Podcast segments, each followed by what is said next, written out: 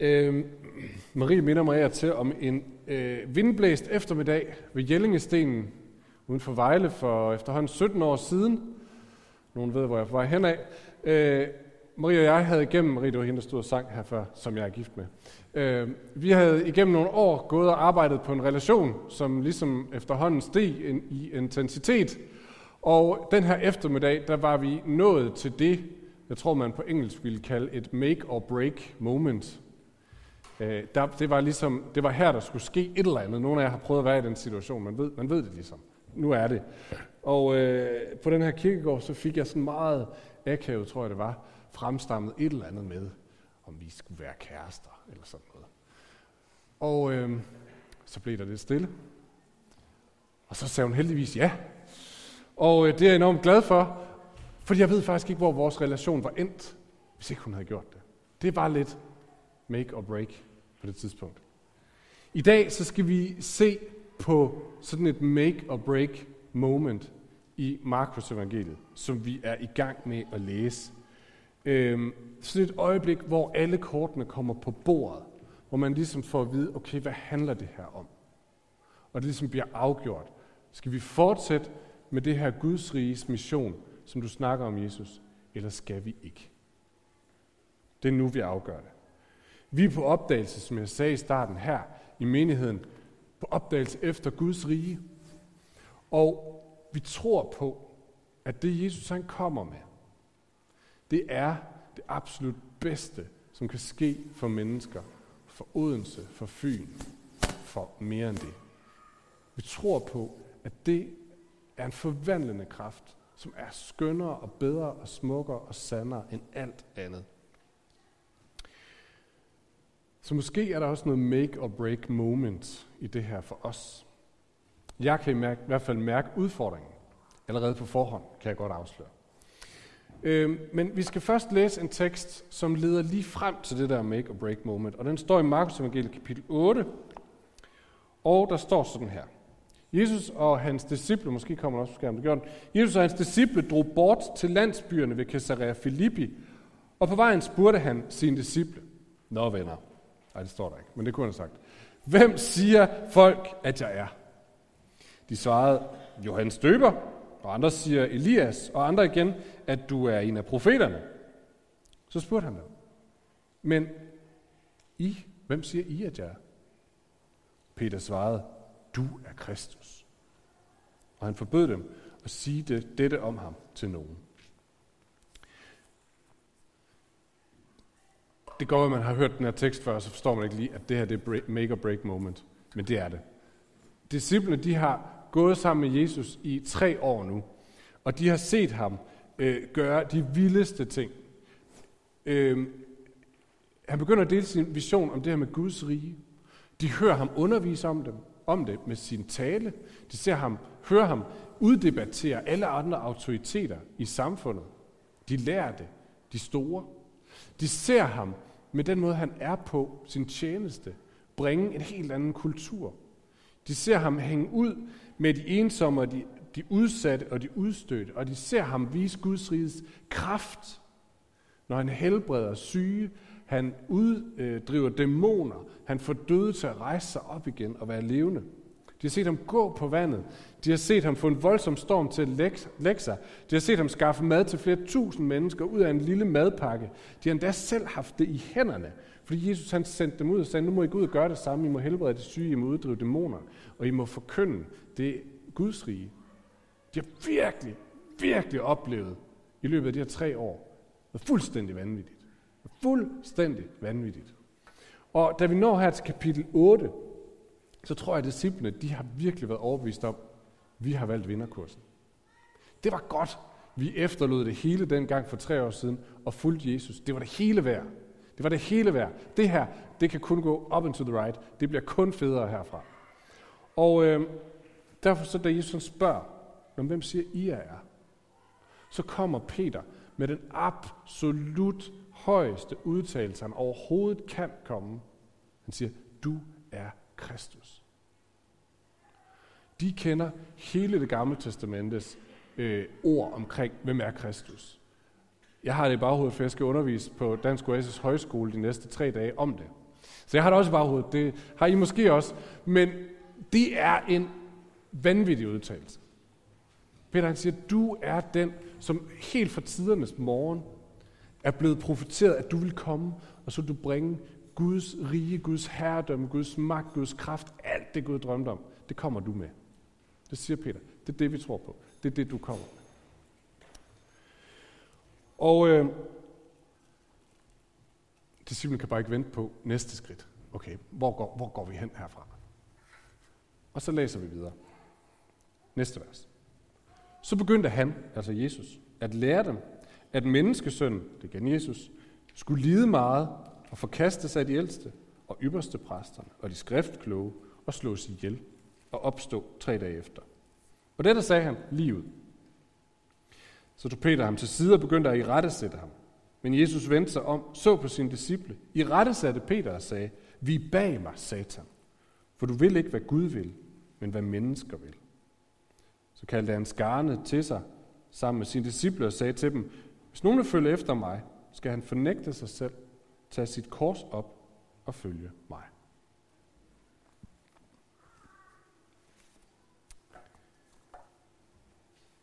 Det var ikke lige det, disciplene de havde set for sig. Det var ikke lige, det var ikke lige der, han tænkte, de skulle hen herfra. Øhm, de havde set alt det vanvittige, Jesus havde gjort. De havde set kursen på det her Guds riges halløj, og de var klar.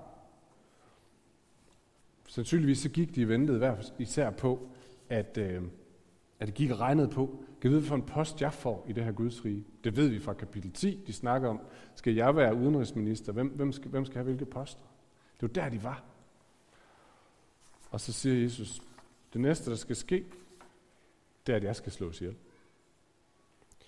Og ikke nok med det, den havde vi ikke på her, men verset lige efter, vers 34, så siger Jesus, og hvis jeg tænkte jer at blive ved med at følge mig på det her Guds rige noget, så skal I nok forvente det samme. At I også bliver slået ihjel.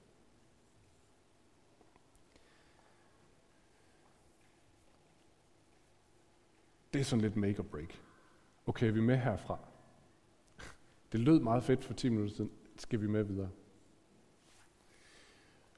Så er der nogle af os, der har læst Bibelen før, som ligesom kender tonen også i det nye testament, og som godt kan argumentere for at, at, at forklare øh, sammenhængen, den teologiske røde tråd, hvorfor det selvfølgelig skulle gå den vej. Øh, fordi Jesus han har undervist og vist hele sin tjeneste, at Guds rige er det omvendte rige i forhold til det, vi kender i verden. Så Gud, han lader sig føde i en stald, ikke på et kongeslot. Øh, kongen hænger ud med tiggere og syndere, ikke med de magtfulde. Da Jesus han skal vælge sine disciple, så vælger han dem i arbejderklassen, ikke blandt de indflydelsesrige. Og dem, som vil være store, siger Jesus, de skal være alles tjener. Dem, som er salige, altså, eller lykkelige, eller hvordan vi nu skal oversætte det, hvem er det? Jo, det er de fattige i ånden. Det er de sørgende. Det er de barmhjertige, siger Jesus. Øh, det er de syge, der har brug for læge, siger Jesus. Ikke de raske. Så hele vejen igennem fortæller Jesus, Guds rige vender på hovedet. Guds rige værdier vender op og ned. På et tidspunkt så bruger han et billede, som ligesom summerer det hele op. Nemlig billedet af et, et lille korn. Man siger, at Guds rige, så er det ligesom sådan en lille korn, man lægger i jorden. Hvad sker der med kornet, der kommer i jorden? Jo, det dør. Men hvad kommer der ud af det? Jo, der kommer et nyt kornstrå med masser af nye korn. Så da Jesus skal tage det endelige opgør med ondskabets rod, magten bag magten, det onde bag det onde, så er det jo klart, at han kan ikke bare trække et større svær. Han kan ikke bare vise, at mit våbenarsenal er større end dit. Han kan ikke bare fortsætte voldsspiralen og sige, at jeg slår hårdere, end du gør. Det er klart, at han må gøre noget andet. Han bliver nødt til at stille sig til rådighed, som den, der siger, så, så lad mig tage tæskene, så det her, det stopper. Lad mig sætte mig i vejen, så det her, det endelig får en ende. Sådan er det i Guds rige, siger han. Og så er det klart, hvis man vil være en disciple, hvis man vil følge den form for konge, den form for herre, så er det nok det samme, man skal kigge ind i i fremtiden. Den, som bliver den nederste, den, som tager tæskene, den, som stiller sig frem for at tage slagene. Som et hvidekorn, man putter i jorden, glemmer det, det rådner, det dør. Men ud af det kommer der nyt liv. Simpelthen, de forstod det simpelthen ikke. Det er ret fedt at læse kapitel 8, 9 og 10 i Markus evangeliet. Fordi tre gange, så prøver Jesus at forklare dem det her. Altså, og der står, han siger det lige ud. Altså ikke kringlet. Det er ikke svært at forstå. Han siger det fuldstændig lige ud. Tre gange. Og hver gang står der, de fattede ikke en bjælle. Han skriver det på lidt en anden måde, men det er det, der står. De, de forstod det simpelthen ikke. Og det kan man måske ikke fortænke dem i. Øh, første gang så trækker Jesus, eller Peter, som vi læste, Jesus til side og siger, at der må være tale om en misforståelse, Jesus. Det var jo ikke, det var ikke, kan du ikke pakke det væk? Det var ikke det, vi skulle. Jesus må sige til ham, det er faktisk ikke misforståelse. Det er faktisk det, der skal ske. Vi kan ikke bebrejde dem. De har jo ikke haft 2.000 års teologihistorie, hvor man ligesom må komme frem til, selvfølgelig måtte det ende på den måde.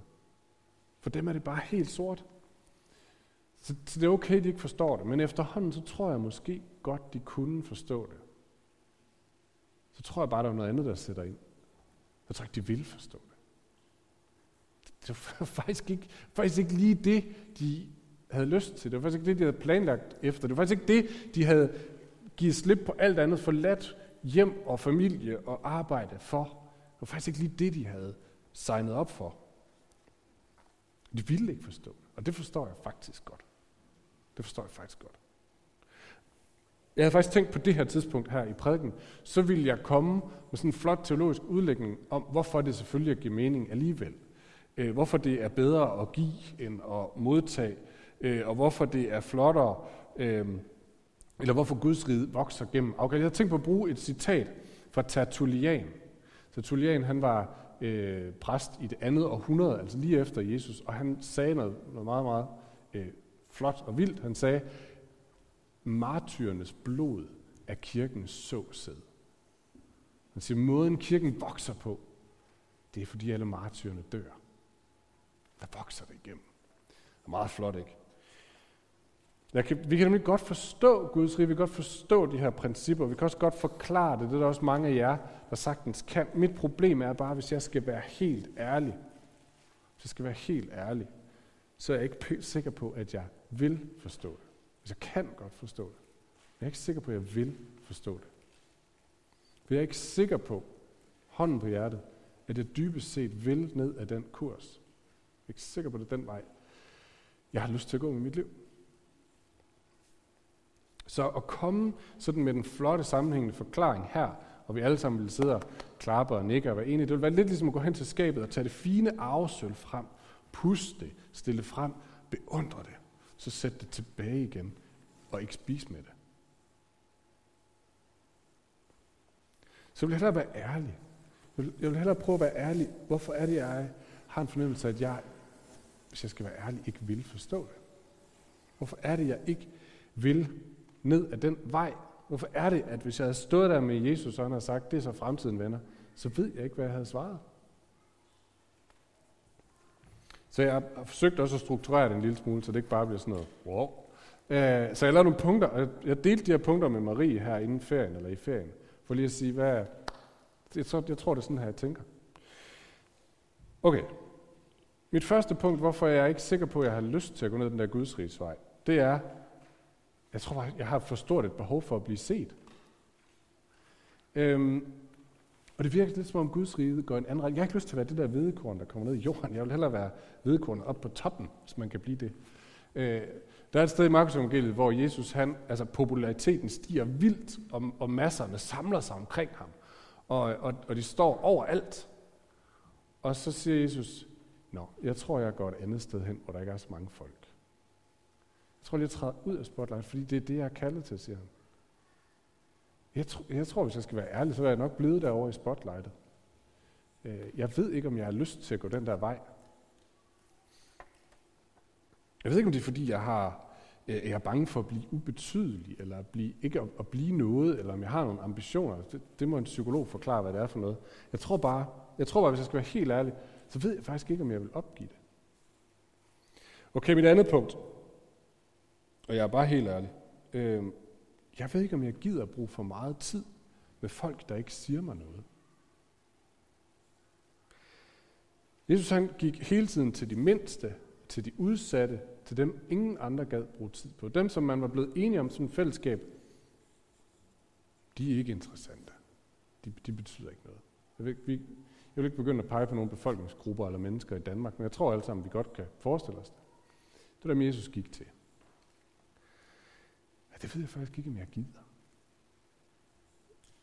Jeg vil hellere prioritere tid sammen med interessante folk, eller betydningsfulde folk. Øh, en anden ting. Jeg kan godt lide, at ting ser godt ud. Bare se på min kone. Øh, og jeg har, jeg kunne aldrig, jeg håber ikke, jeg træder nogen over tanden, jeg, jeg kunne aldrig finde på at købe øh, møbler eller øh, et par bukser i Føtex. Så vil jeg hellere lade være med at købe noget, og så bare beholde det gamle. Og dem af jer, der har set vores spisebordstol, I ved, hvad jeg snakker om. Og jeg har en fornemmelse af, at den der gudsrige vej, den vil udfordre min sådan materialistiske side. Er det vigtigt? Okay, punkt mere. Jeg vil gerne selv styre min tid. Jeg vil gerne selv bestemme, hvad jeg bruger min tid på. Og det er ikke fordi sådan dogneri er min, øh, hvad hedder det, min svaghed. Det er ikke fordi det der med at ligge fire timer foran Netflix, er det jeg forfalder til. Men jeg vil gerne selv finde på projekter og ting øh, og fylde min tid og mine tanker ud med, øh, og jeg vil godt selv bestemme, hvad det er. Og jeg har en fornemmelse af, at det der gudsrige noget, det er ikke sikkert, at jeg får lov til det. Det kan godt være, at han har nogle andre ting, han synes, jeg skal bruge mit krudt på, som er i hans øjne vigtigere. Og et sidste punkt. Jeg kan godt være bange for, at det kommer til at koste for meget for min familie. Altså, bliver mine børn de der underlige nogen i klassen? Det, det, det, faktisk, det, det kan godt være. Det var sådan lige mine punkter. Den tyske modstandsmand og teolog Dietrich Bonhoeffer, han har, han har virkelig fedt citat. Han siger sådan her øh, i en lille bog om discipleskab. Han siger, når Kristus kalder en mand, byder han ham at komme og dø. Og jeg er vild med det citat. Det er fedt. Jeg er vild med, med radikaliteten, med maskuliniteten i det der bare kaldet til komme og ofre dig selv og slås og kamp og give den gas. Jeg er sikker på, at flere af Jesu disciple havde det på samme måde. Vi ved, at flere af dem havde svær med den aften, Jesus blev anholdt, for de er klar på kampen. Men jeg må bare være ærlig og sige, når jeg finder ud af, hvor kampen begynder, så mister jeg gejsten. Når jeg ved, okay, første skridt, den er altså på indersiden af mig selv. Det er opgøret med min malighed, det er opgøret med min egen vilje, med min, min øh, selvoptagethed. Det er der, det første slag står. Jeg elsker, og jeg mener elsker, vores store vision i Fyns valgmenighed om at se Guds rige ramme hele Fyn. Og alle mennesker, 500.000 mennesker, skal blive ramt af Guds kærlighed. Jeg er fuldstændig vild med den vision. Men nu er vi lige her i moment of truth. Make or break. Jeg har sådan en uvilje mod den vej, der går derhen. Fordi jeg ved, hvad det handler om. Det handler om tid i bøn. Det handler om små skridt. Det handler om vedholdenhed i relationer. Det handler om godhed i det små. Det handler om at være et hvedekorn, der bliver puttet ned i jorden og dør. Træder ud af spotlightet, og så videre. Jeg tror faktisk godt, jeg kender vejen derhen, for at vores vision skal få lov til at, at, at, at blive mere sand i Guds kraft. Jeg ved ikke, om jeg har lyst til at gå den vej. Det var mine ærlige punkter. Jeg ved ikke, om du kan spejle dig i nogle af dem. Jeg ved ikke, om du har dine egne ærlige punkter. Jeg ved ikke, om det også for dig er sådan et, på en eller anden måde make or break, sådan nogle tænker, det ved jeg faktisk ikke, om jeg skal den vej.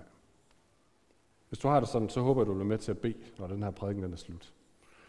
Men inden vi kommer dertil, så vil jeg gerne fortælle, hvorfor jeg stadigvæk er her, og hvorfor jeg ikke har sagt mit job op, flyttet et andet sted hen, hvorfor jeg ikke forlod Jesus første gang, jeg læste Markus Evangeliet kapitel 8. Jeg tror, jeg kan sige det med et ord. Længsel. Fordi jeg har aldrig nogensinde set noget så smukt som billedet af Gud, som vi ser i Jesus. Jeg har aldrig i hele verden set noget så smukt som det billede af Gud, vi får i Jesus. Og jeg ser det glimt en gang med Og så længes jeg. Så der er en fortælling om en syg mand i begyndelsen af Markus evangeliet. Vi har været forbi den i en prædiken før. Øh, han er syg, afvist af alle, fået stemplet ubetydelig, ligegyldig, værdiløs. Og Jesus baner sig vej hen til manden, og, siger, og, og manden siger til ham, hvis du vil, så kan du gøre mig ren. Så kan du gøre mig rask. Og når jeg læser den beretning, så kan jeg sådan føle passionen og omsorgen og nærmest gråden i Jesus stemme, da han rækker sin hånd ud og siger, jeg vil blive ren. Der er ikke noget, jeg hellere vil. Det er det, jeg vil. Jeg vil, at du, som har lidt på så mange måder i dit liv, og som er alle er blevet kigget på som et ligegyldighed, et udskud, en, en tilfældig ting, som lige så godt kunne være død. Jeg vil, at du skal få lov at træde frem i lyset. Jeg vil, at du skal blive rask og ren. Jeg vil se dig blomstre. Jeg kan mærke, hvordan alt, hvad Jesus er, hænger på ydersiden af ham i den situation. Det er som om Jesus han lige der bryder op med sådan en fælles opfattelse af, hvad succesfuldhed, værdifuldhed er. Og det er glemt ind i noget, som er så meget smukkere, som måske er langsommere, som måske bryder med alt det, vi har lært om at være hurtig og vigtig, men som er smukt. Et andet eksempel, Charlotte Rørt, som jeg også tit har nævnt, øh, en dansk journalist, hun havde den her oplevelse af, at Jesus mødte hende, og skrev en bog om det. Og hendes beskrivelse af, hun kom som den der helt almindelige dansker, øh, fuld af travlhed og drømme og mål og brudte drømme og skam og glæder og sorger og skuffelser og fejl og dumheder. Alt det der, vi alle sammen render rundt med. Og så fortæller hun, at står Jesus foran hende og kigger på hende. Og i det der øjeblik, så er det som om, han så lige ind, ind i hende. Alt rodet ind i. Og så lod han, vide, lod han hende vide, det er godt, du er der. Og det blik gjorde noget ved hende. Fordi det der blik, og nu fortolker jeg, det skriver hun ikke, men det er min fortolkning, det tog sådan et helt livs kamp for at være god nok, og for at passe ind i verdens standarder. Og så satte det det til side, og så siger, prøv, det er ikke vigtigt. Du er her, og du er god nok. Nej, for jeg tror, vi har brug for dig. Hvor jeg tror, at Danmark og Vesten har brug for det. Nogen, der lige bypasser alt det, vi kæmper for, og siger, hey min ven, jeg ser dig, du er god nok. Lige for tiden står vi midt i sådan en kultur, hvor alt det, vi forsøger at gemme, det kommer frem i lyset. Det har I nok set i medierne. Øh, så lige meget hvad man har gjort, selvom det er mange, mange år siden, så sker der altså det helt heroppe, og vi skal have spotlight på det, og så skal vi fortælle, hvor klam du er. Og øh, der er helt sikkert noget godt i den bevægelse. Der er noget, der skal frem i lyset. Men en ting, der ikke er i den bevægelse, det er noget og tilgivelse. For det kan godt være, at der er sagt undskyld 100 gange, og der er grædt, og der er bedt om forladelse. Og det kan være, det er 10, 12, 15, 20 år siden. Øh, men blikket bliver ved med at sige, vi skal have dig derhen, du skal bare vide, du er ikke god nok. Du er ikke god nok. Og Jesus han siger, jeg har set det hele. Du er god nok.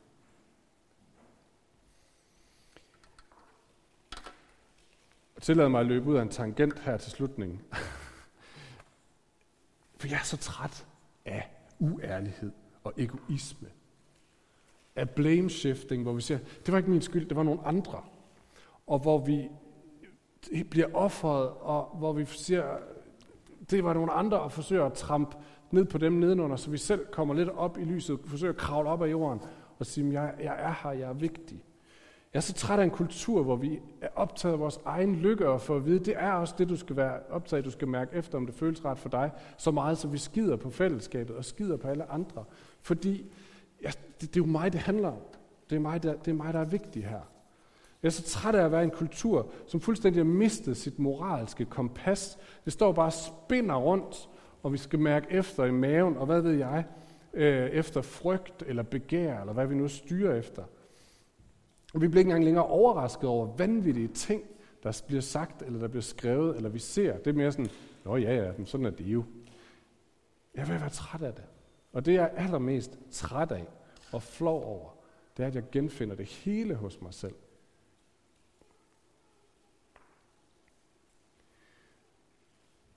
Så jeg længes.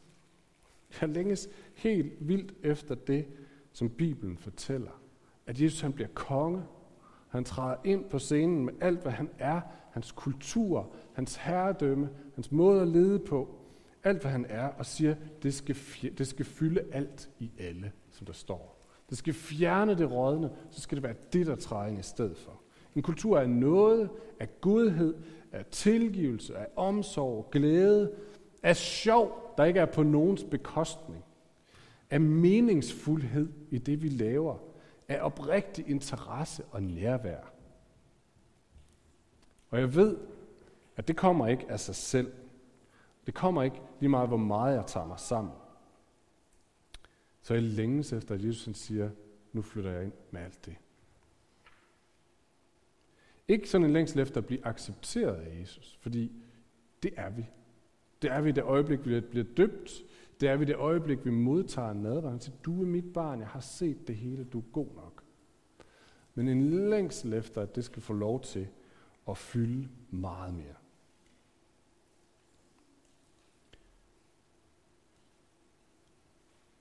Der tænker jeg, at det begynder. Og jeg håber, at vi som kirke kan længes sammen. Vi kan se alt det skønne, som Jesus han gerne vil komme med. Vi kan måske mærke længsten af, ja tak, mere af det.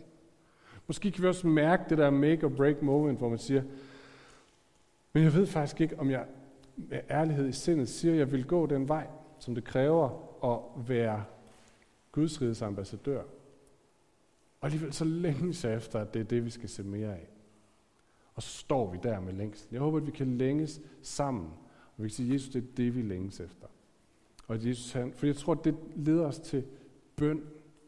Og jeg tror, bøn er den åbne dør, hvor Gud siger, så vil jeg gøre mit. Så vil jeg gøre mit i dig og igennem dig. Så lad os slutte her. Lad os rejse os op og bede sammen. Og jeg vil bede for dem af os, der længes, og så vil jeg bede for dem af os, der genkender modviljen hos os selv. Og hvis du kan genkende dig noget af det, så kan du bare lægge, lægge dig ind i bønden og lade ordene være dine også. Jesus, jeg længes efter dig. Jeg længes efter det, jeg ser hos dig, for det er så meget smukkere. Jesus, jeg vil hellere have en dag med det, end tusind med det, som jeg selv kan skabe. Og Jesus, jeg beder dig om, at jeg aldrig må stille mig tilfreds med noget som helst andet end det, som du kommer med. Jesus, vil du blive ved med at vise mig mere af det, glemt af, hvem du er, hvad du kommer med, så jeg, så jeg kommer til at længes endnu mere efter dig. Og Jesus, så må jeg også bekende, at trods min længsel, så bor der sådan en uvilje i mig. En uvilje mod at følge i de spor, som leder til dit rige. Jeg er ikke sikker på, at jeg tør, eller jeg vil følge din vej. Jeg er ikke sikker på, at jeg vil give afkald på mit eget rige, for at se mere af dit. Tilgiv mig, Jesus. Vil du rense ud? Vil du flytte ind? Tak fordi du nåede at gå.